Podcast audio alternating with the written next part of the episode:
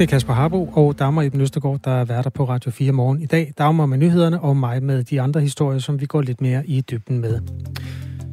Om lidt skal vi se nærmere på den økonomiske strid mellem regionerne og de lægehuse, der ikke vil betale tilbage de penge, som blev opkrævet.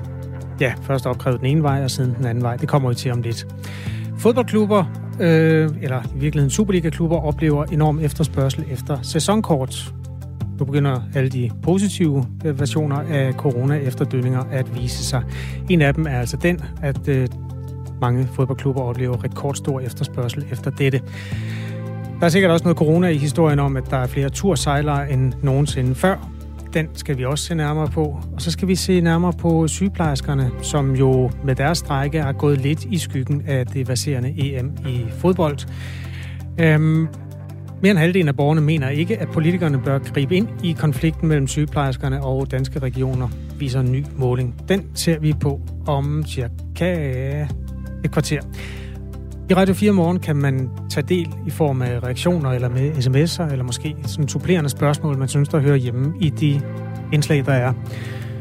Og øhm, der kan jeg da bidrage med Tommys hilsen, der skriver sådan her. Da jeg var erhvervsfisker midt i 90'erne, måtte man sejle en fiskekutter uden papir, så længe lasten var mindre end 20 tons. Nu må man ikke sejle i en lille sejlbåd. Det er trist. En af Tommy, som har fulgt med i historien om det store opsving blandt sejlere og al den sikkerhed, der også bliver fokuseret på der. Klokken er 7 minutter over 8. Hvis du vil skrive ind til Radio 4 morgen, så tag telefonen, gå ind i sms-feltet, skriv, at modtageren er nummer 1424, gå ned i tekstfeltet, skriv R4 og et mellemrum om besked og send den herind.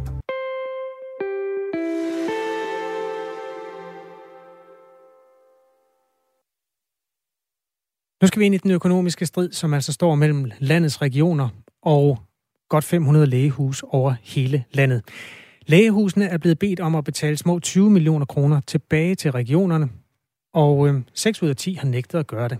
De her penge, som regionerne godt kunne tænke sig at få tilbage, stammer fra en aftale, der blev indgået dengang coronapanikken var stor sidste år. Her kunne de praktiserende læger modtage et honorar på godt 45 kroner for at sende en besked til en patient, hvis deres coronatest var negativ.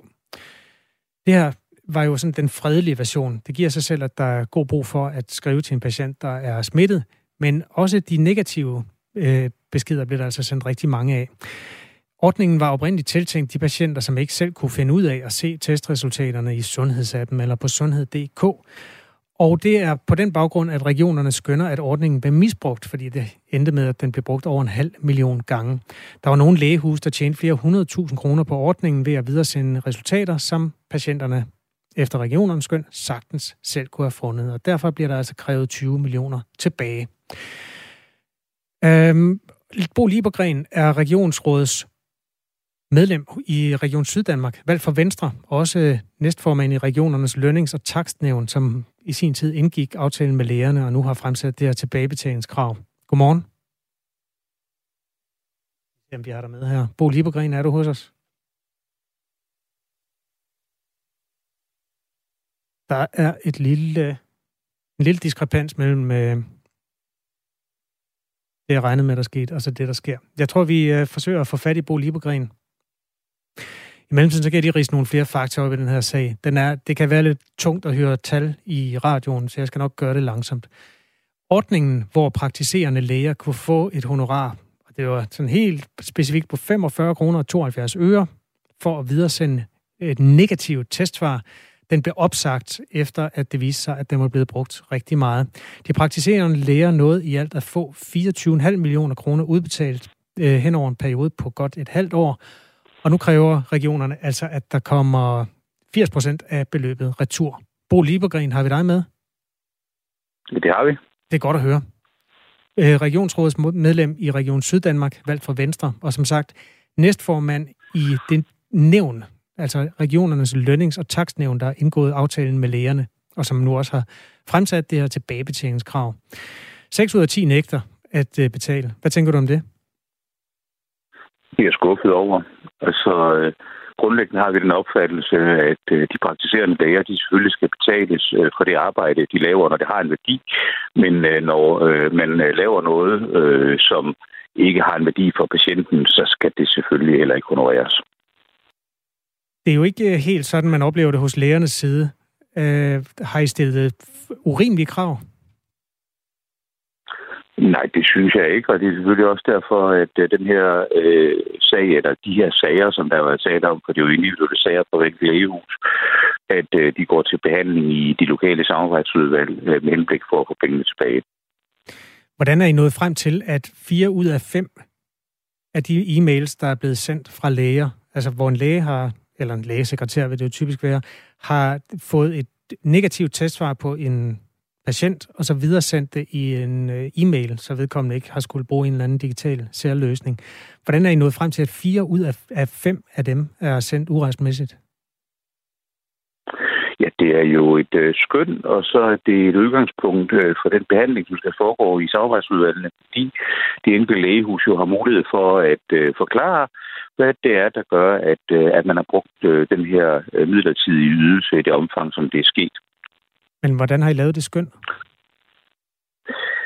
Jamen, det er jo en vurdering henover, øh, hvor mange eller rettere, hvor få patienter, øh, at øh, forventningen var, at øh, den her ydelse skulle øh, bruges øh, til, øh, og hvad vi så sådan umiddelbart opfatter, at øh, der kan være et, øh, et rimeligt leje for det. Formanden for de praktiserende læger, han hedder Jørgen Skadbor, og ham talte jeg med tidligere på morgenen. Han sagde sådan her. Regionerne har så ensidigt overreageret øh, på baggrund af de her få historier, har skrevet ud til rigtig, rigtig mange læger og øh, øh, krævet, øh, at de skulle redegøre for hver enkelt svar og betale tilbage, hvis ikke man øh, ville det. Og det er ganske urimelig øh, fremgangsmåde. Og øh, derfor undrer det mig egentlig, at det kun er øh, 328 læger, der har øh, nægtet at betale tilbage i den her situation. Ja, og fakta i den her sag, øh, Bo Liebergren, er jo, at øh, det er kun 1 ud af 10 læger, der har sagt, jeg skal nok betale tilbage. Så er der 6 ud af 10, der har sagt, at det kommer ikke til at ske, og så er der en mellemliggende gruppe, der, der ikke har svaret. Så altså, der er bred enighed blandt læger om, at det er urimeligt, det her. Gør det indtryk på dig? Nej, altså de praktiserende lægers organisation har jo selv øh, meldt ud til deres øh, medlemmer, at de ikke synes, at man skal betale de her penge tilbage. Så det er jo en øh, instansreaktion, Øh, og øh, det må vi jo så tage igennem det system, som vi har til det. Gør det indtryk på dig? Nej, det gør det ikke, fordi øh, vi har den grundlæggende opfattelse, at øh, her er der taler om, at øh, en hel række borgere har fået en, øh, en henvendelse, som de synes var irrelevant, øh, helt uden mening og helt uden øh, værdi øh, for dem. Øh, og, øh, og så forlanger deres læge at få betaling øh, for det. Og vi synes sådan set, at skatteborgernes penge de skal bruges til at betale øh, for noget, som gavner sundheden, og ikke for at sende øh, automatiske svar, som en patient ikke kan bruge til noget. Nu er det jo så ikke alle, der har fået et negativt testsvar, hvor det er blevet videresendt. Det har jo været sådan, at øh, lægerne og deres, øh, de andre ansatte i lægehuset har skulle lave den der vurdering fra patient til patient og finde ud af, hvem har brug for at få det tilsendt. Er der et, et lægefagligt grund til, at de har brug for det, eller hvad skal man sige, sådan nogle gange mere social karakter vurdering af, hvem har brug for det her. Og øhm, fra lægernes organisation er man ikke, øh, altså benægter man ikke, at der er nogen, der har misbrugt ordningen. Det, som man bare ytrer, er, at øh, mange bliver mistænkeliggjort, selvom de bare har gjort det, de er blevet bedt om. Der kommer lige et par reaktioner her. Altså praktiserende læger har blandt andet skrevet til jer sådan her. Det er meget ubehageligt at klandres for uhederlighed, når dette alene har handlet om at sikre patienterne tryghed og om at udføre sit lægefaglige arbejde lægefagligt og juridisk korrekt, skriver en. En anden skriver, vi har udvist samfundssind, lægefaglig omhu og samvittighedsfuldhed i forhold til lægeløftet. Vi tolker, at regionens ønske om tilbagebetaling er et angreb på vores lægefaglige skøn.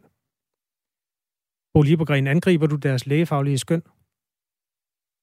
Jeg synes, lægerne overreagerer totalt. Og det, ikke det, jeg spørger. Angriber du deres lægefaglige skøn? Jeg angriber ikke. Øh, ja, det, det gør jeg jo i og for sig, fordi øh, jeg vil godt have, for, nej, jeg vil godt have forklaret øh, det lægefaglige skøn, og øh, der, der har vi så øh, lagt et kriterium ind for, hvornår at vi har bedt om den forklaring. Altså, det er jo ikke alle læger, der har brugt den her ydelse, som er blevet bedt om at forklare sig. Vi har valgt et niveau, hvor vi har sagt, under det, det tror vi på øh, og godtager uden diskussion, og dem, der har brugt det mere, de må jo forklare sig. Mm. Det er så en ud af fem, I har vurderet, har været troværdige, og resten har I vurderet som noget, lægerne bare har gjort for at tjene penge. Er det, er, er det, er det der, du tror, den havner? At øh, fire ud af fem kroner skal betales tilbage til jer? Ja, det er jo ikke fire ud af fem øh, læger på den måde, fordi der er jo rigtig mange læger, som ikke har brugt ydelsen, og der er et stort antal læger, som kommer under den grænse, som, som vi har lagt ind. Jeg siger 4 ud af 5 øh, kroner vil I kræve tilbage igen, altså 20 millioner ud af 25. Tror du, det er der, den havner? Det har vi da bestemt et ønske om. Hvor vil I tage den hen, den her, når nu 6 ud af 10 læger siger, at de ikke vil betale pengene tilbage? Jamen, det har vi jo et system til, hvor øh, sagerne de behandles i de øh, lokale samarbejdsudvalg.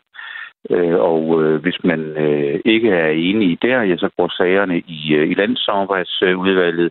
Og ultimativt, hvis der også er uenighed der, så kan vi vælge at tage en voldgift på det. Er du klar til det? Nu skal vi jo lade sagerne behandle, men altså, der er jo nogle principielle ting i det her, Altså, øh, for det første, så er det øh, ret principielt, at hvis man som læge bruger en ydelse og beder skatteborgerne om at betale for den, at man så øh, skal kunne stå til regnskab for det og er villig til at forklare, hvor, hvad det er for et skøn, der er lagt ned over det. Og for det andet, så skal vi have respekt for skatteborgernes penge. Det er øh, vores opgave. Men er det så ikke det, I skal gøre? Gå ind og bede om nogle flere forklaringer, i stedet for at I tager stilling til, om, altså uden at tale med lægerne om de enkelte sager, øh, tager stilling til, at fire ud af fem er, er snyd? Når vi har lagt et kriterium ind, hvor vi har sagt, at øh, der er et niveau, som vi accepterer, øh, hvis man har færre øh, negative prøvesvar, man beder om betaling for, end, end det niveau, øh, så øh, beder vi ikke om yderligere forklaring. Dem, som så ligger over, de har enten muligheden for at, øh, at øh, betale tilbage, eller de har muligheden for at øh, forklare sig. Tak, Bo Liebergren, fordi du var med i Radio 4 morgen. Godmorgen. Ja, godmorgen. Regionsrådets medlem i Region Syddanmark, valgt for Venstre, og altså næstformand i regionernes lønnings- og takstnævn. En lytter, der... Jeg kan genkende nummer. Nogle gange er den underskrevet David, nogle gange John. Det er sådan lidt forskelligt. Skriver sådan her. Hvad rager det også? En sag mellem læger og region, udråbstegn. Og øh, svaret på den sms er, øh, det rager dem, der er medejere af Danmark, og det er du også. Øhm, det drejer sig om 20 millioner skattekroner. Det er derfor, vi synes, der er principper på det, og derfor sparker vi lidt til den sag i Radio 4 morgen i dag. Klokken er 18 minutter over 8.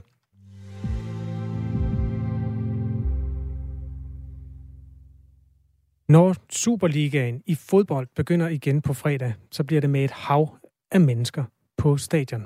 En rundregning, som Radio 4 har lavet, viser, at Superliga-klubber på stribe slår nye rekorder i, hvor mange sæsonkortbilletter, der er solgt. 8 ud af 12 fodboldklubber i Superligaen øh, fortæller, at de enten har eller regner med at komme til at slå deres tidligere all-time rekord for sæsonbilletter. De fire resterende klubber fortæller, at de også oplever stor stigning i forhold til, hvad de normalt sælger. Christian Kokholm Rutmann er formand for interesseorganisationen Danske Fodboldfans. Godmorgen. Godmorgen. Hvorfor tror du, øh, Superliga-fodbold oplever så stor fremgang lige nu? Jeg tror, der er rigtig mange årsager til, at så mange ønsker at komme tilbage på stadion. Først og fremmest så har vi jo nu øh, over et halvandet år uden den her stadion fornemmelse, som vi er jo plejer at være så vent med. Og så tror jeg også, man høster frugter fra landsholdets succes, uden tvivl. Har du selv øh, sæsonkort et eller andet sted? Ja, jeg har sæsonkort øh, her i min hjemby i Aalborg, øh, hvor OB de hører til. Og jeg ser også frem til, at sæsonen går i gang igen, og vi kan komme tilbage på stadion sammen med mange tusinder medfans. Oplever du det også lokalt, altså når du taler med folk i din omgangskreds, at interessen er større? Ja, altså i, i, i min nærme omgangskreds, der havde vi jo en stor del af os sæsonkort i forvejen, så det er jo ikke noget, jeg oplever på den hold. Men jeg ser jo interessen vokse ud øh, om, om, i det omkringliggende samfund, og også i den måske lidt mere, øh, det, min, min større bekendtkreds. Øh, og hvis også man kan se det på sociale medier, at der er flere og flere, der et eller andet sted støder til øh, de her grupper og, og søger en del af de her fællesskaber. Det er jo virkelig glædeligt, fordi fodbold er bare federe og det er sjovere med endnu flere pligterne. OB, hvor Christian Kokholm Rotman øh, hører til, har solgt 3.000 sæsonkort. Det er en ny rekord. FCK har solgt 16.000. Det er også en ny rekord. Brøndby har solgt 15.500 og har jo et udsolgt. Det er også en ny rekord. Hvad kan det gøre for Superligaen, at så mange fans kommer ind og ser kampene på stadion? De gør jo kun Superligaen endnu mere attraktiv, og forhåbentlig gør den også, at der er endnu flere, der får øjnene op for, hvor fantastisk en liga det nogle gange er. Og ikke mindst det er vores egen liga. Øh, modsat mange ligaer, liga, vi sidder og ser i tv, så kan vi faktisk her komme på stadion og være en, en del af oplevelsen og komme tæt på de her store stjerner, som det, vi nogle gange har. Hvor meget har EM fyldt i det her, tror du? Det, det, det er svært for mig at vurdere. Vi kan også se uh, sæsonkortholderne, eller andelen af billetter til landsholdet er også bare eksploderet fuldstændig. Og for første gang nogensinde er indetribunen i parken udsolgt til en landskamp under 24 timer. Og det fortæller også bare en historie om, at fodboldfilmen virkelig raser i landet pt. Og det er, det ser vi selvfølgelig frem til, og håber også et sted at kunne høste frugterne fremadrettet. Det næste store skridt, det bliver, at vi holder fast i den her store interesse, der er, så folk ikke bare ja, smutter lidt snart, at det regner, når det kommer. Det er interessant. Det har jo været absurd godt vejr, og når man har set fodboldmennesker i, i fjernsynet den forgangne måned, så er det jo lignet en stor... Jamen, øh, det er måske på en eller anden måde fyldt hullet efter den der festival, som en masse mennesker ikke kunne komme til. De står over for et realitetschok, når de oplever, hvordan resten af året er i Danmark. Øh, hvad vil I gøre for at fastholde dem, når regnen begynder at falde, og det bliver pivkoldt?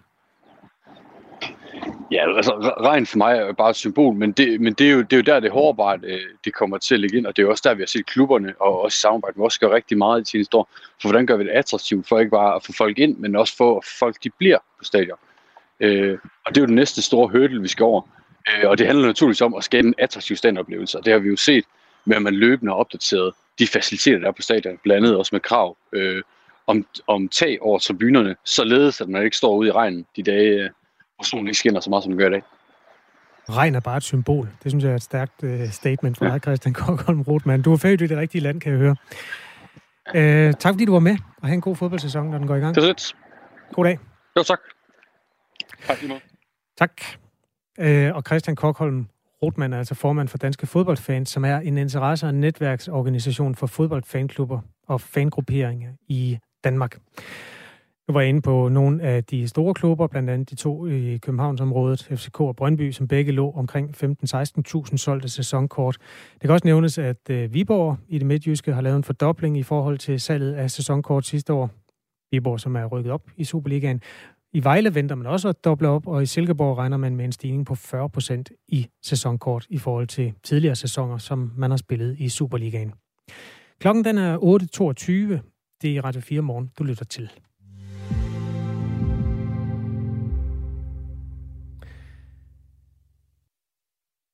EM er flottet af, og mens jublen står på i Italiens øh, gader, strækker sygeplejerskerne fortsat på de danske sygehuse. En konflikt, der har stået på lige så længe som EM, men er druknet lidt i fodboldfeberen.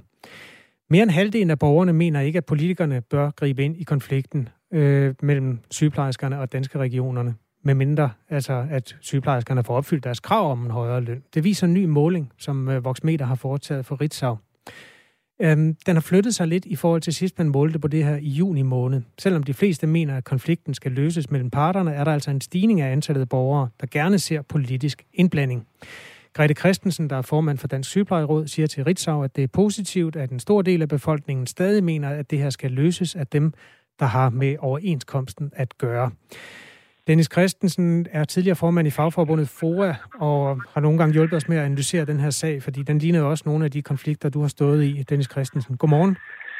Godmorgen. Hvordan tolker du de nye tal om danskernes holdning til konflikten? Jamen, jeg tror, øh, for dem, der skal lide den her konflikt, øh, det gælder jo sygeplejerskerne, så er det et rimelig tilfredsstillende resultat. Det er selvfølgelig øh, grund til lige at være en smule bekymret over, at øh, andelen af danskere, der synes, politikerne skal holde fingrene væk, at den er faldet lidt. Men omvendt så er der stadigvæk et markant øh, flertal. Og jeg tror simpelthen også, at tænksomme politikere er lidt tilfredse med, at der ikke er sådan et befolkningskrav om, at de skal gribe ind. Det er ikke sønderligt ønskværdigt som politikere at gribe ind i en konflikt, hvor øh, man to gange har nedstemt et, et forhandlet resultat.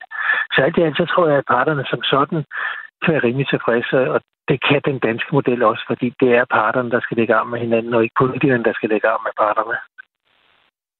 54 procent af de adspurgte mener, at politikerne skal holde sig ude af den.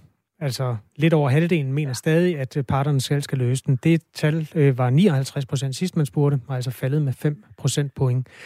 Øh, så er der godt en fjerdedel, der synes, politikerne skal gribe ind. Øh, nu var du lige inde på det. Hvor, hvor meget taber man som politiker, hvis man skal gribe ind i sådan en konflikt? Jo, altså der, hvor du taber mindst, hvis vi kan starte sådan lidt omvendt på det, det er jo der, hvor du kan læne dig op af et solidt befolkningskrav til, at nu må det her bringes til ophør, det har nogle alvorlige konsekvenser, og så så øh, det ryster samfundet. Øhm, og der, hvor du har mest i klemme som politiker, det er jo der, hvor at øh, offentligheden, altså den danske offentlighed, er med øh, dem, der er i konflikt. Øh, og det er sygeplejerskerne stadigvæk i den situation, at de har øh, opbakning i befolkningen. Øh, og det gør, at øh, altså er det altså ikke særlig øh, attraktivt at finde til politikere. Og slet ikke, når, når man har oplevet to gange, at medlemmerne har sagt nej til forhandlede resultater, så ved politikerne godt, hvad der dem, der tænker sig om, så ved de godt, at så kan man godt få nogle meget, meget vrede og sure medlemmer, og så er der oven i købet kommunevalg til efteråret. Så der tror jeg, at politikerne vil tænke sig lidt om. Men, men under alle omstændigheder, så, så øh, er det jo et godt tegn for dem, der er i konflikt, at øh, opbakningen fortsætter. Da vi var i konflikt i 2008, det var FOA dengang, og så sundhedskartellene, hvor sygeplejerskerne indgår, og pædagogerne, så oplevede vi det helt fantastiske, at øh, uge for uge, så steg opbakningen i befolkningen på trods af, at øh, mærke, det bliver mere og mere mærkbart. Og det, det kan sygeplejerskerne selvfølgelig også håbe på sker for deres vedkommende. Øh, også selvom de nu har et lille fald i, i, øh, i hvert fald i forhold til dem, der siger, hold fingrene væk fra et øh, regeringsindgreb. Der får jeg lyst til at spørge, har det været sværere at øh, drive den, nu kalder jeg det business, i mangel på bedre ord, altså konfliktbusiness, i skyggen af et EM i fodbold? Ja, det er både svært i forhold til EM i fodbold. Det er jo også sådan, at forløbet har været sådan med de her uafstemninger om resultater, som er blevet nedstemt, at, at selve konfliktstarten er blevet trukket helt hen i sommerferieperioden, øh, og vi nu alle sammen mere eller mindre tænker i sommerferiebaner. Øh, så det, det har været op ad bakke øh, for sygeplejerskerne øh, at, at skabe synligheden, og synligheden er jo helt afgørende. Altså, de kan ikke øh, slå regionerne på økonomi. Øh, regionerne sidder og tjener penge i øjeblikket, mens det koster sygeplejerskers strækkasse.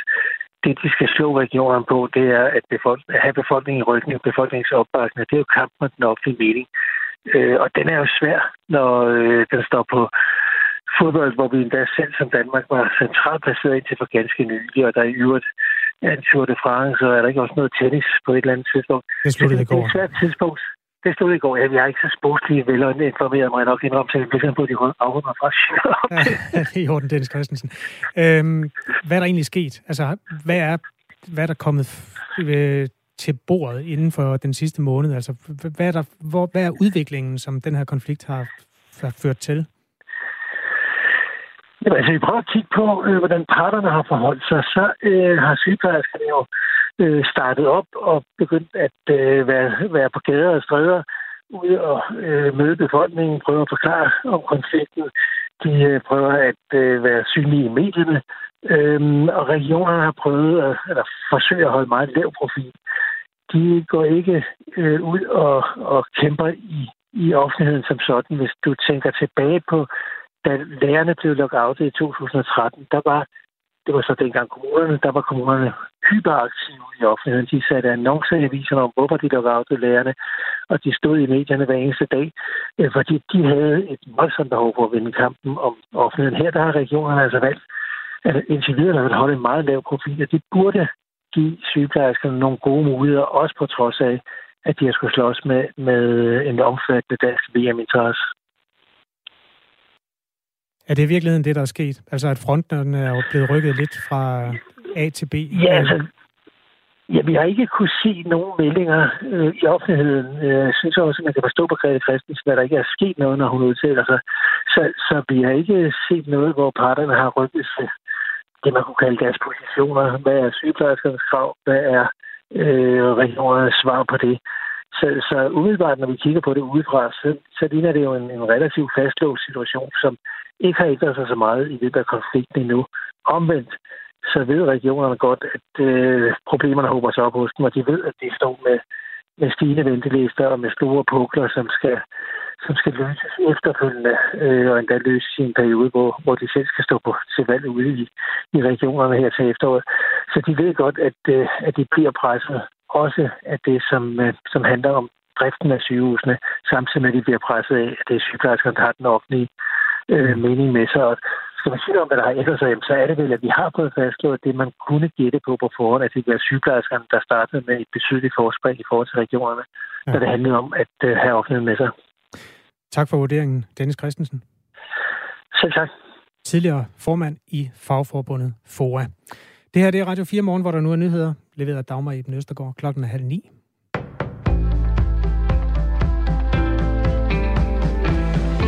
Seks ud af 10 praktiserende læger vil ikke tilbagebetale penge, som regionerne mener, de uretmæssigt har tjent.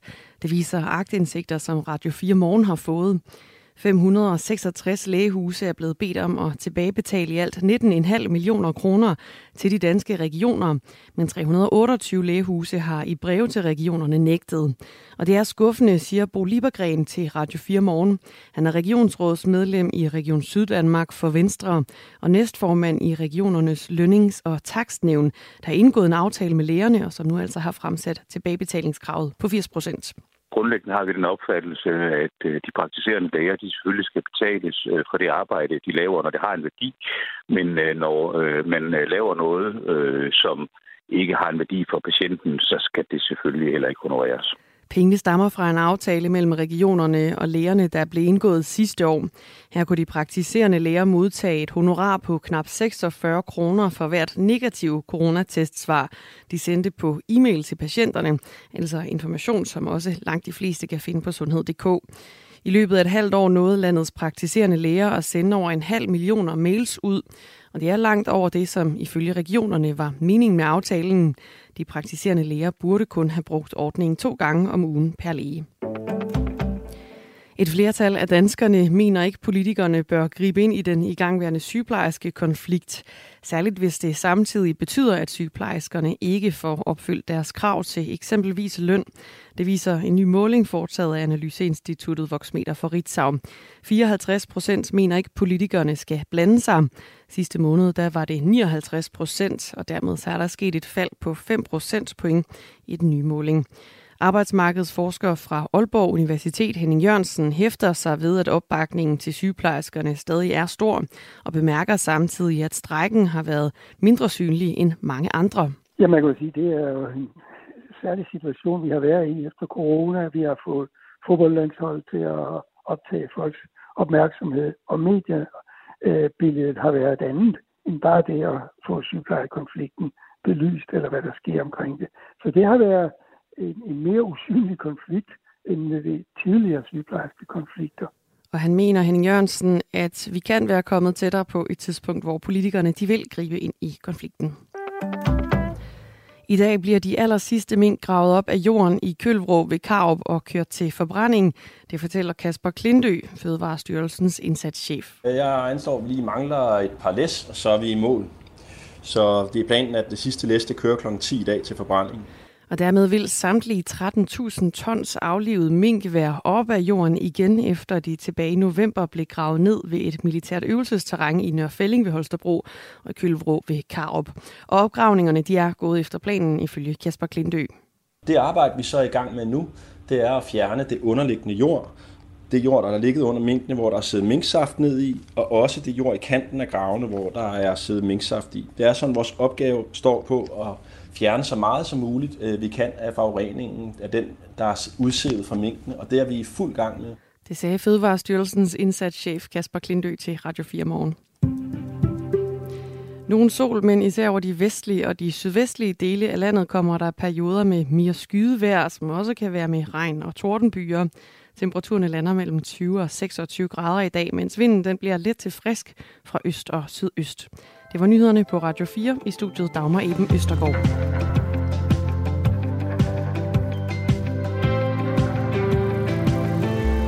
Tidligere på morgen belyste vi, hvordan det giver frustration, at man ikke kan invitere så mange, man vil, når man skal bisætte eller begrave et kært familiemedlem, som er død under det. Ja, det der stadig er et corona-ramt kirkesamfund.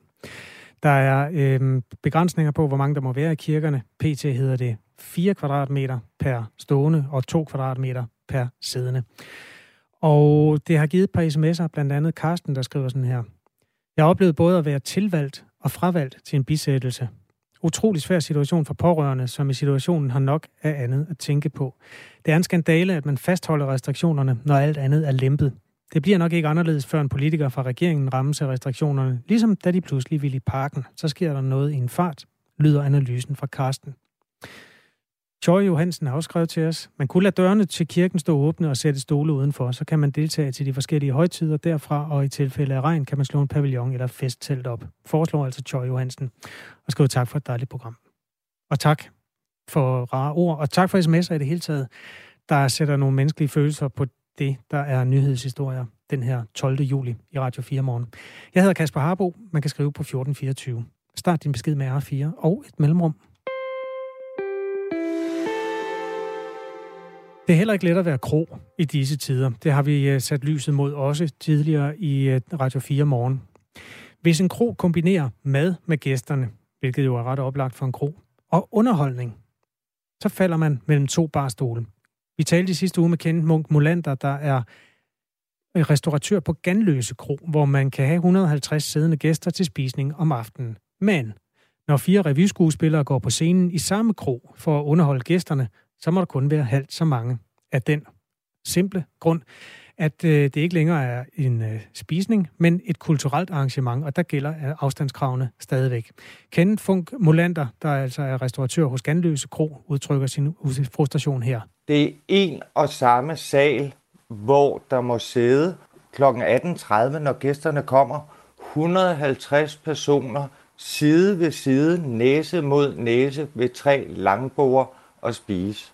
Så sidder man og spiser i to timer, og når vi tænder parlamperne, og skuespillerne går på scenen, og alle gæsterne vender sig om med næsen i samme retning og kigger mod scenen, så træder afstandskrav og kvadratmeterkravet i kraft, fordi så er det scenekunst. Og så må vi kun være 77. Jamen, det er jo simpelthen ikke fair. Der gælder altså stadig et afstandskrav på 1 meter mellem gæsterne til kulturelle arrangementer. Det er en del af den yderligere genåbningsaftale af Danmark, der faldt på plads 10. juni og blev stemt igennem af samtlige partier minus nye borgerlige.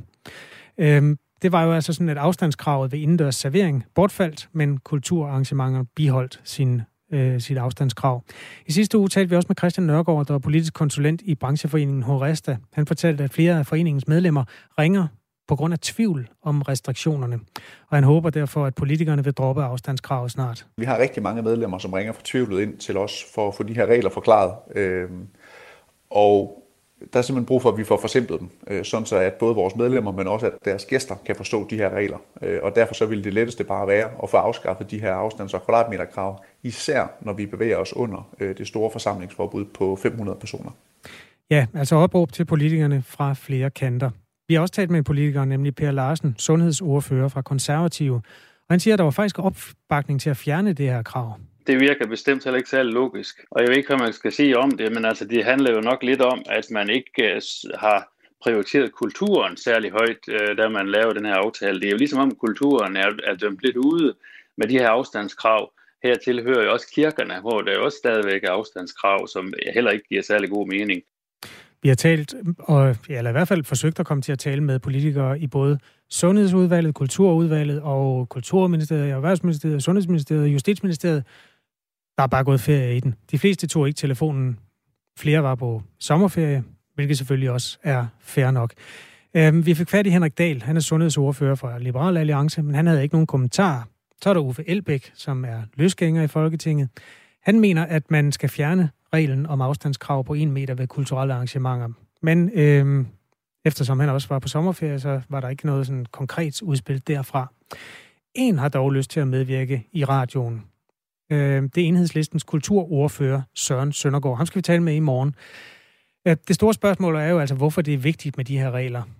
Altså, hvis man vil have befolkningen til at følge love og regler, så skal de også give mening for den enkelte, forklarer Michael Bang-Petersen. Han er professor i statskundskab ved Aarhus Universitet og leder det meget omtalte forskningsprojekt HOPE, som undersøger danskernes adfærd under coronaen. Når det kommer til at følge myndighedernes øh, anbefaling, så er opfattelsen af, at man får klar information og at man kan have tillid til den overordnede strategi bag myndighedernes anbefalinger, jamen det er ret vigtigt.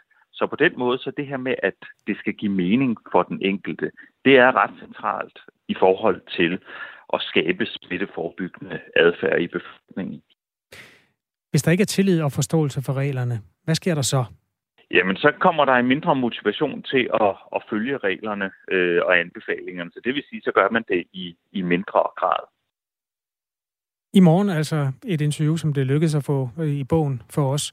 Der skal vi tale med enhedslistens kulturordfører Søren Søndergaard og se, om der er en eller anden logisk forklaring på ja, det som betyder, at man blandt andet i kroer og kirker sidder og venter utålmodigt på, øh, at coronaparaderne bliver sænket.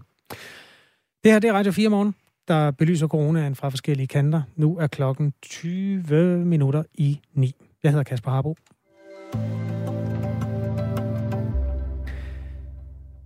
Interessen for lystsejlads i Danmark er steget markant. Langt de fleste lystbådehavne melder om fuldt hus og ventelister. Tidligere på morgenen hørte vi blandt andre fra et par venner, der har købt deres første båd. De hedder Jonas og Niklas, og er en del af den her nye generation af sejlere i Danmark.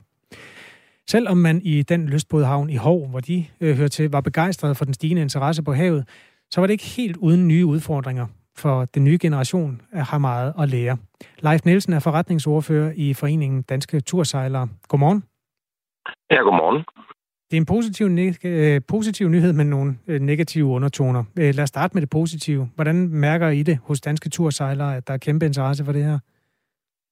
Vi må jo konstatere, at øh, gennem de sidste par år er interessen for, for det salat steget øh, markant. Jeg vil nærmest sige eksplosivt. Øh, det er jo klart, at, at coronaen også her har sat sine spor i og med, at man ikke kunne rejse, og så har mange der, danskere fået øjnene op for, at de fantastiske naturoplevelser, friluftsoplevelser, vi har i, i de indre danske øh, farvande, og dermed har, har købt sig en båd for at nyde de her øh, fantastiske muligheder. Vi kan se det øh, ved bådforhandlerne. De melder stort set om tomme hylder med, med, med både. Vi kan se det med havnepladserne. Der er mangel på havnepladser. Udstyrsbutikkerne øh, har øh, en fantastisk efterspørgsel fra kunderne. Grossisterne har tomme lager, og der er efterspørgsel på uddannelse. Øh, fordi vi har jo nogen, øh, både, hvortil der kræves et, et kompetencebevis, et speedbådscertifikat for eksempel. Og så kan vi se det i vores egen organisation, Danske Tursejler, med en helt markant medlemsfremgang. Det statistiske grundlag for, at vi siger, at der er en stigning her, er blandt andet, hvor mange penge, der er blevet brugt på både her i Danmark. Ifølge tal fra Danmarks Statistik bliver der solgt både for ca. 80 millioner kroner øh, i juni 2020. Det tilsvarende tal i de to foregående år var ca. 50 millioner, så der er altså en stigning på 60 procent der. Lad os kigge lidt på den anden side af mønten, Leif Nielsen, øh, fordi jeg har blandt andet fået post fra en, der hører Radio 4 morgen, som skriver sådan her. Nye sejlere? Spørgsmålstegn. Som seniorsejler med en del årtier på vandet i sejlbåd, kunne det være rigtig, rigtig formålstjentligt, at de nye sejlere interesserede sig mere for søfarts- og vigeregler, og mindre for køleskaber og bekvemmeligheder på familiens nye campingvogn med køl, skriver han, og underskriver sig i øvrigt morfar. Er det et problem? Det er i hvert fald et, et, et godt udsagn. Øh, jeg ved ikke, om det er et problem, men, men det er da korrekt, at øh, jo flere nysejlere der kommer, jo, jo større er behovet for, at man øh, får lidt uddannelse, for man får noget erfaring, så man kan udvise et godt sømandskab. Altså igennem de sidste to år, der kan vi se, at der har været rigtig, rigtig mange øh, små, øh, jeg vil ikke sige ulykker, men så uheld, heldigvis ikke store ulykker nu, med nysejlere. Det er jo fordi, man ikke har tilegnet sig den nødvendige erfaring, det vil sige, at, at man øh, risikoen for at støde på grund øh, er, er større. Og vi har set mange små grundstødninger. Når man ser, at der er vand, så tror jeg mange, at man kan sejle der, men, men ned under vandet, der er havbunden altså ikke øh, plan som en, en asfaltvej. Der er også mange, der løber tør for brændstof. Øh, og så sidst men ikke mindst har vi i forbindelse med alle de her bådhandler set en øh, stribe eksempler på, at man ikke har sikret sig, at båden har været ordentligt vedligeholdt. Og det vil sige, når man har købt en, altså en, en, en brugbåd et eller andet sted og skal sejle hjem til den havn, men nu skal den liggende, så øh, sker der et eller andet med motoren, der kan ske noget med mast og rig og så videre. Simpelthen øh, små uheld, som skyldes dårlig vedligeholdelse, og hvor man så må ringe efter hjælp og blive trukket i havn. Og det er selvfølgelig en, en, en, en, en trist øh, bagside af medaljen. Er det noget nyt, at nye sejlere lad os sige, øh, skal bruge den type lærepenge der? Eller er det altid den måde, som man har lært sejlads på ved at lave nogle fejl. Grundstødning for eksempel. Det går jo ikke ud over andre. Nej, det er korrekt. Øh, jeg tror, at, at øh, tendensen har selvfølgelig været der altid, men, men i og med, at, at, at vi er, er i, i vores moderne teknologiske samfund øh, øh, vant til, at tænke, de virker, de fungerer. Øh, og, og her der er så, øh, i og med, at, at antallet af nysejlere er steget eksplosivt, øh, jamen, så, så stiger antallet af småhæld jo også øh, på samme måde. Så, så det er den samme tendens, men den er bare øh, eskaleret op, fordi der er flere nysejlere. Hvad gør I hos danske tursejlere for at afhjælpe problemet? Jamen, vi øh, gør det, at vi øh, forsøger at informere øh, øh, vores medlemmer. Vi har et magasin, uh, Tursejleren, som bliver udsendt til alle øh, medlemmer og til alle danske løsbådhavne, til, til biblioteker, medlemmer af Folketinget og, og, og så videre, og interesseorganisationer.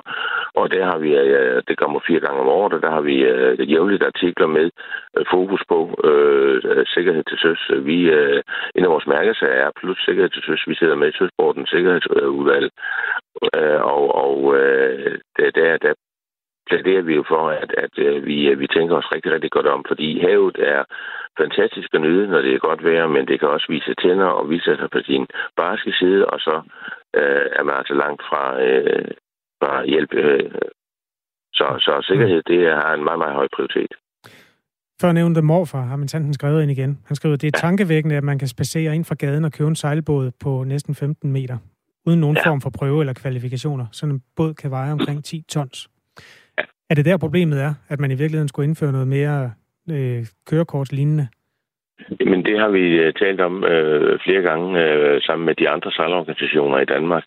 Øh, og og øh, vi har jo lovgivning, der siger, at køber man en, en, en, en båd, hvor til der kræves et speedbådskørekort, eller en båd over 15 meter, hvor til der kræves et øh, jagtskib og 3-certifikat, jamen øh, så, så er man øh, sikkert, at der også er pågående uddannelse. Men, men vi har et stort gap indimellem, og tidligere har det været således, at man rundt omkring i øh, vores sejlklubber virkelig havde en god evne til at påvirke øh, hinanden, og også nysejler til at tage et dulæsbevis, som er et, et fantastisk... Øh, øh, en fantastisk uddannelse. Den har været frivillig, og rigtig mange har benyttet sig af den. Øh, og, og vi kan ikke afvise, at med den stigende interesse, der er, at, at vi bliver nødt til at se på, jamen, skal et dulighedsbevis fortsat øh, være frivilligt, eller, eller bør det være et lovkrav? Det er i hvert fald noget, at øh, der bliver en del af debatten her hen over vinteren. Tak, Leif Nielsen. Ja, selv tak forretningsfører i den forening, der hedder Danske Tursejlere. Lytter Jens Bernburg har også øh, interesse i det her felt. Han skriver, det er de gamle sejlere, der snyder nysejlerne i bådhandler, så det er ikke nysejlernes skyld. Det er altså et synspunkt fra Jens Bernburg der. En kommentar til Leif Nielsens øh, kommentar om, at øh, nogen står ud med røden masterik, som det hedder i sangen. Øh, post på 1424 tager jeg meget gerne imod. Klokken den er 7. Nej, den er min tanden 8. 48.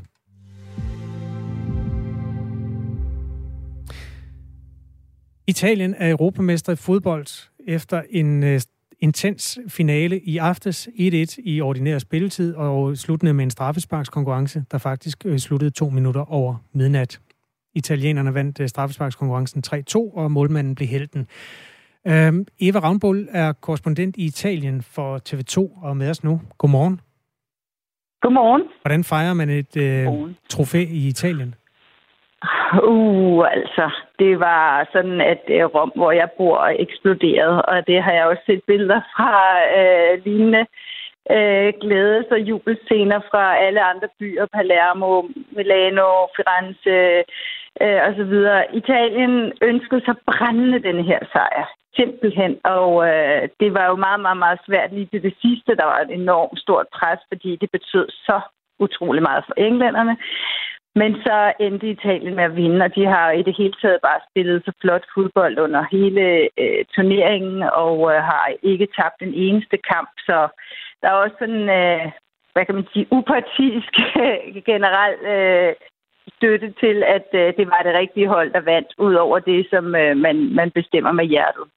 Ja, man kan sige, at verden rundt var der måske også øh, lidt, i hvert fald i Danmark, var der en modvilje mod, at England skulle vinde. Det gik lidt tilbage til en semifinale, som vi for længst øh, er holdt op med at tænke så meget over. Anyway, Italien har vundet VM i fodbold fire gange og triumferer så øh, ved EM for tredje gang. Det er første gang siden 1968. Det er et land, der har været ekstremt hårdt ramt af corona. Øh, der har været over 128.000 dødsfald, som er relateret til coronaen. Hvordan kunne du mærke den kobling, da du sådan fulgte EM og den tiltagende fodboldfeber i Rom? De hænger fuldstændig uløseligt sammen, de to ting. Coronakrisen og denne her sejr. Altså, i al fremtid vil man øh, sætte de to ting sammen. Det er en kombination på en eller anden måde af et land, som var nødt til at stå sammen, da lavinen ramte, som man sagde, øh, som man stadig siger, i Norditalien, hvor corona lige pludselig var overalt i Bergamo-området og Milano og nogle af de små byer, som var de første, der, som blev lukket ned i et vestligt land. Øh, Øh, og der stod hele Italien sammen, og man sang fra balkongerne og hængte flag ud, og folk de var utroligt disciplinerede i forhold til, hvad man måske nogle gange kunne forestille sig om italienere. De blev hjemme for ikke at sprede smitten, og, øh, og de havde, øh, altså de levede i en kollektiv smerte. Og det, der så sker nu efter halvandet år, det er, at de oplever en kollektiv glæde, altså hvor hele Italien står sammen om de her fodbolddrenge, som har spillet utroligt dejligt øh, fodbold, altså øh, med courage og med fantasi og med opfindsomhed, og de har også knoklet, men de har hele tiden smilet. De vil gerne give øh, italienerne en glæde. De ville gerne øh, have, at deres drøm gik i opfyldelse om, at de kunne have noget at være stolte af sammen, noget at gå op i sammen og synge fra balkongerne, ikke om død og ulykke, men, men om, om noget positivt og om noget glædeligt, og, og det lykkedes simpelthen. Så det var, det var kulminationen på, på en, en, øh, en måned med EM-kampe, som har givet altså, italienerne smilet tilbage på læberne. Hvordan er virkeligheden i Italien omkring det at være tæt på hinanden? Altså, hopper man rundt, ligesom man gør på Ophelia Plads i Danmark? Har man glemt, at der var noget, der hed corona? altså, de glemte øh, lidt i går aftes, vil jeg sige, selvom øh, bystyret her i Rom i sidste øjeblik aflyste nogle storskærmsarrangementer. Så folk de så kampene øh, måske i mindre grupper. Jeg var selv et sted, hvor vi var 70 på en udendørs terrasse, hvor vi sad med nogenlunde øh, afstand. Øh, og sådan var der en masse, der også aftalte at se kampene måske hjemme i nogle haver eller nogle lejligheder, sådan så man ikke stod alt for mange sammen. Men der er en stor forskel på, hvordan man fejrer sådan noget her i Danmark og i Italien, fordi i Danmark og i England fandt jeg så ud af i går, der begynder man jo allerede at varme op med at drikke en masse øl fra om formiddagen, men det gør italienerne ikke. For det første så er det alt for varmt hertil, at folk de kan mødes ude, for det var næsten 40 grader i går. Men de tog på stranden, og de lå og læste sportsaviser under en parasol og bed negle, og, og så begyndte de første møller ud, da solen var ved at gå ned. Og så blev der ellers drukket lidt undervejs øh, øh, i kampens øh, hede der, eller midt under den her meget, meget nervepirrende kamp. Og så bagefter, så, tager man altså rundt på scooter eller i bil, og der var selvfølgelig også nogen, der kom gående med masser af flag og sådan nogle øh, spothorn og øh, så sang de nogle bestemte sange, som øh, minder dem om nogle andre fodboldturneringer. For eksempel en sang, der hedder Nostri Magica, som betyder magiske netter, som blev skrevet, da Italien afholdt VM i 1990. Den har spillerne også øh, øh, sunget i busserne på vej hjem fra kampe rundt omkring, hvor de har spillet under VM. Så det er sådan blevet faktisk den største slagsang, øh, også til det her VM, selvom det er en sang, der er blevet fisket op fra, fra øh, en tidligere periode. Tak for den stemningsreportage og en lille indføring i, hvordan man fejrer på italiensk. Eva Rambøl. Tak, hej. Hej.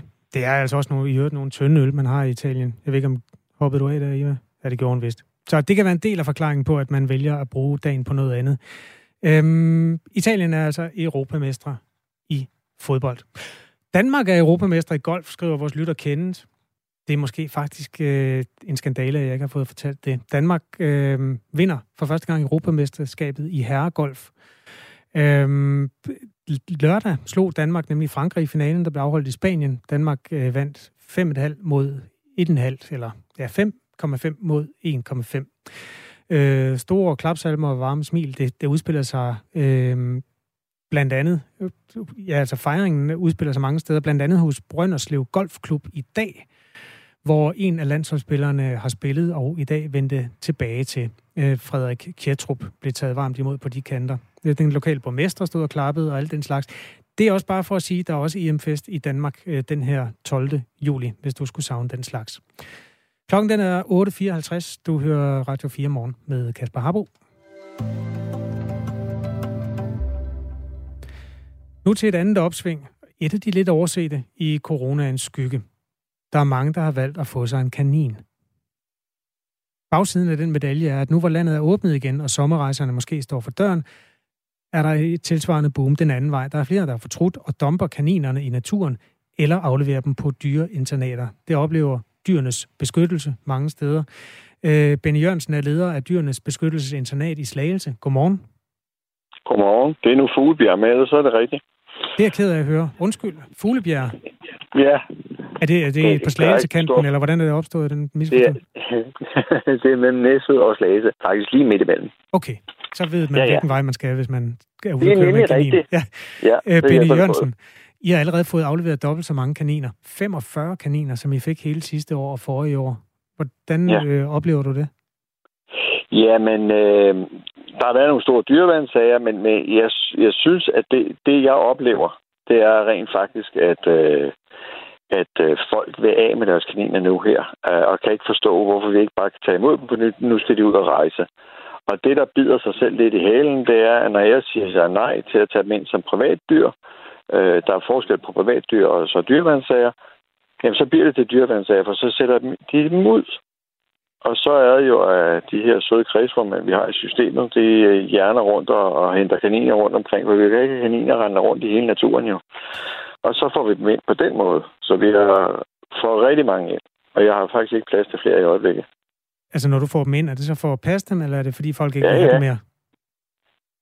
Øh, ja, vi, har, vi har slet ikke pension for det. Nej, nej, det er fordi, det, når jeg får dem ind, så er det fordi, det er dyreværnssager. Jeg har også er taget enkelte privat. Ja, Øhm, både Dyrenes Beskyttelse Internat i Roskilde og i Stubekøbing har fået så mange kaniner ind, at der ikke er plads til en eneste mere. Hvis man øh, går på Den Blå Avis eller Gul og Gratis, så er det også tydeligt, at øh, der er for mange kaniner i øjeblikket. På Den Blå Avis er der over 4.000 annoncer Ja. med kaniner til salg. Øh, Gul Ja, og Gratis er ikke? 800. Altså, hvad tænker du om det? Du øh, har vel et bankende dyrehjerte. Ja, jeg synes, det er synd, fordi langt de fleste af de her dyr, de vil af med, de lever en kummerlig tilværelse på børneværelse, fordi øh, børn synes kun, at kanin er interessant i de første øh, måned eller to, og så øh, interesserer de dem øh, overhovedet ikke for dyret mere, og så er det far og mor, der skal passe, og det gider de alle talt ikke. Så det er en kummerlig tilværelse, jeg synes, det er skide synd for dem. Øh, ja. Nogle af dem er havner det. i naturen. Hvordan, Ja, det er, gør de. hvordan er sådan en tamkanins liv i naturen? Ja, altså øh, foråret og sommeren og, og, og efteråret, det, de kan sagtens leve her. Sagtens. Altså, øh, det, det er sådan set ikke noget problem. Problemet er bare, at øh, kaniner får unger og, og ret mange gange om året. Og så bliver det til vældig mange kaniner. Og så lige pludselig så har vi kaniner overalt, så det, de skal jo ikke ud i naturen. De skal jo være, ja, ja, jeg ved ikke, hvad jeg skal kalde det. I, i kaninfarme, jeg synes, at man skal lave sådan nogle store 100 meter i indhegning, og så have sine kaniner derinde, så de kan leve et almindeligt liv, ikke? Øh, ja. Det der med at putte dem i et bur ind på børneværelse, det er en misforstået ting, men dyrhandlerne, de sælger dem jo væk, og det gør privatister også, som du siger, med 4.000 annoncer. Ja. Og de er ved, ved Gud søde. Jeg har også været og se på dem. Hold nu kaj, de er søde. Men øh, de bliver voksne og øh, skider overalt, ikke? Ja. Og nogle af dem er, er sådan lidt fristende, og altså, det er ikke det der sådan helt hamsteragtige kæledyr, man kan have på skødet altid. Det, det, Nej, nogen, nogen, nogen bliver det, hvis man er, er omsorgsfuld nok og, og, og har dem i hænder nok, så kan de simpelthen sagtens være nogle små søde kæledyr, men øh, langt de fleste, det er de ikke. Kim og en anden lytter øh, skriver til mig øh, på forskellige vis, at øh, de synes, at man bare skal spise dem. Er det løsningen, hvis man, hvis man har en kanin, som man simpelthen ikke kan overskue at passe længere? Ja, det synes jeg jo ikke. Men, øh, men jeg er jo, fordi jeg er fra dyrens beskyttelse, jeg synes jo ikke, øh, øh, at man skal spise som sådan dyr. Det er ikke, fordi jeg er veganer direkte, men, men jeg synes jo ikke bare, man skal nakke dem, når man ikke kan have dem mere. Og i øvrigt, så er det også lidt- langt, langt de fleste af de kaniner, folk har, det er jo små dørkaniner. Der er ikke meget sult på sådan en, det er der ikke. Nå, whatever. Jamen, hvis de vil spise dem, hvis de bare får dem lagt til at sove på en ordentlig måde, så synes jeg, det er okay. Hvad er det, der skrætter i baggrunden? Det er en stor hundkanin, hundkanin der hedder Ellie. og jeg synes, det er noget overdrevet pisse sidde i buer. Undskyld, jeg siger det, men hun bliver hentet i dag eller i morgen til en avler i Holstebro, så det bliver fantastisk. Hun skal over og lave børn Okay. hos en avler. Alright. Jamen, det var dengang, jeg begyndte at snakke om at spise kanin, og så blev hun hissig. Det kan jeg egentlig godt forstå. Ja. Øhm, du siger undskyld til Ellie. Tak fordi du var med, Det Benny skal jeg gøre. Det er i orden. Det er Hej godt igen. nu. Hej, hej. Hej igen. Leder af Dyrenes Beskyttelsesinternat, der ligger, hvis man øh, kører fra Slagelse og sydpå øh, i retning af Næstved, så kommer man til Fuglebjerg. Øh, og der hører Benny, Johans, øh, Benny Jørgensen til, og alle kaninerne. Tak fordi du har hørt Radio 4 morgen. Vi gør det igen øh, tirsdag. Nu er der nyheder klokken er 9.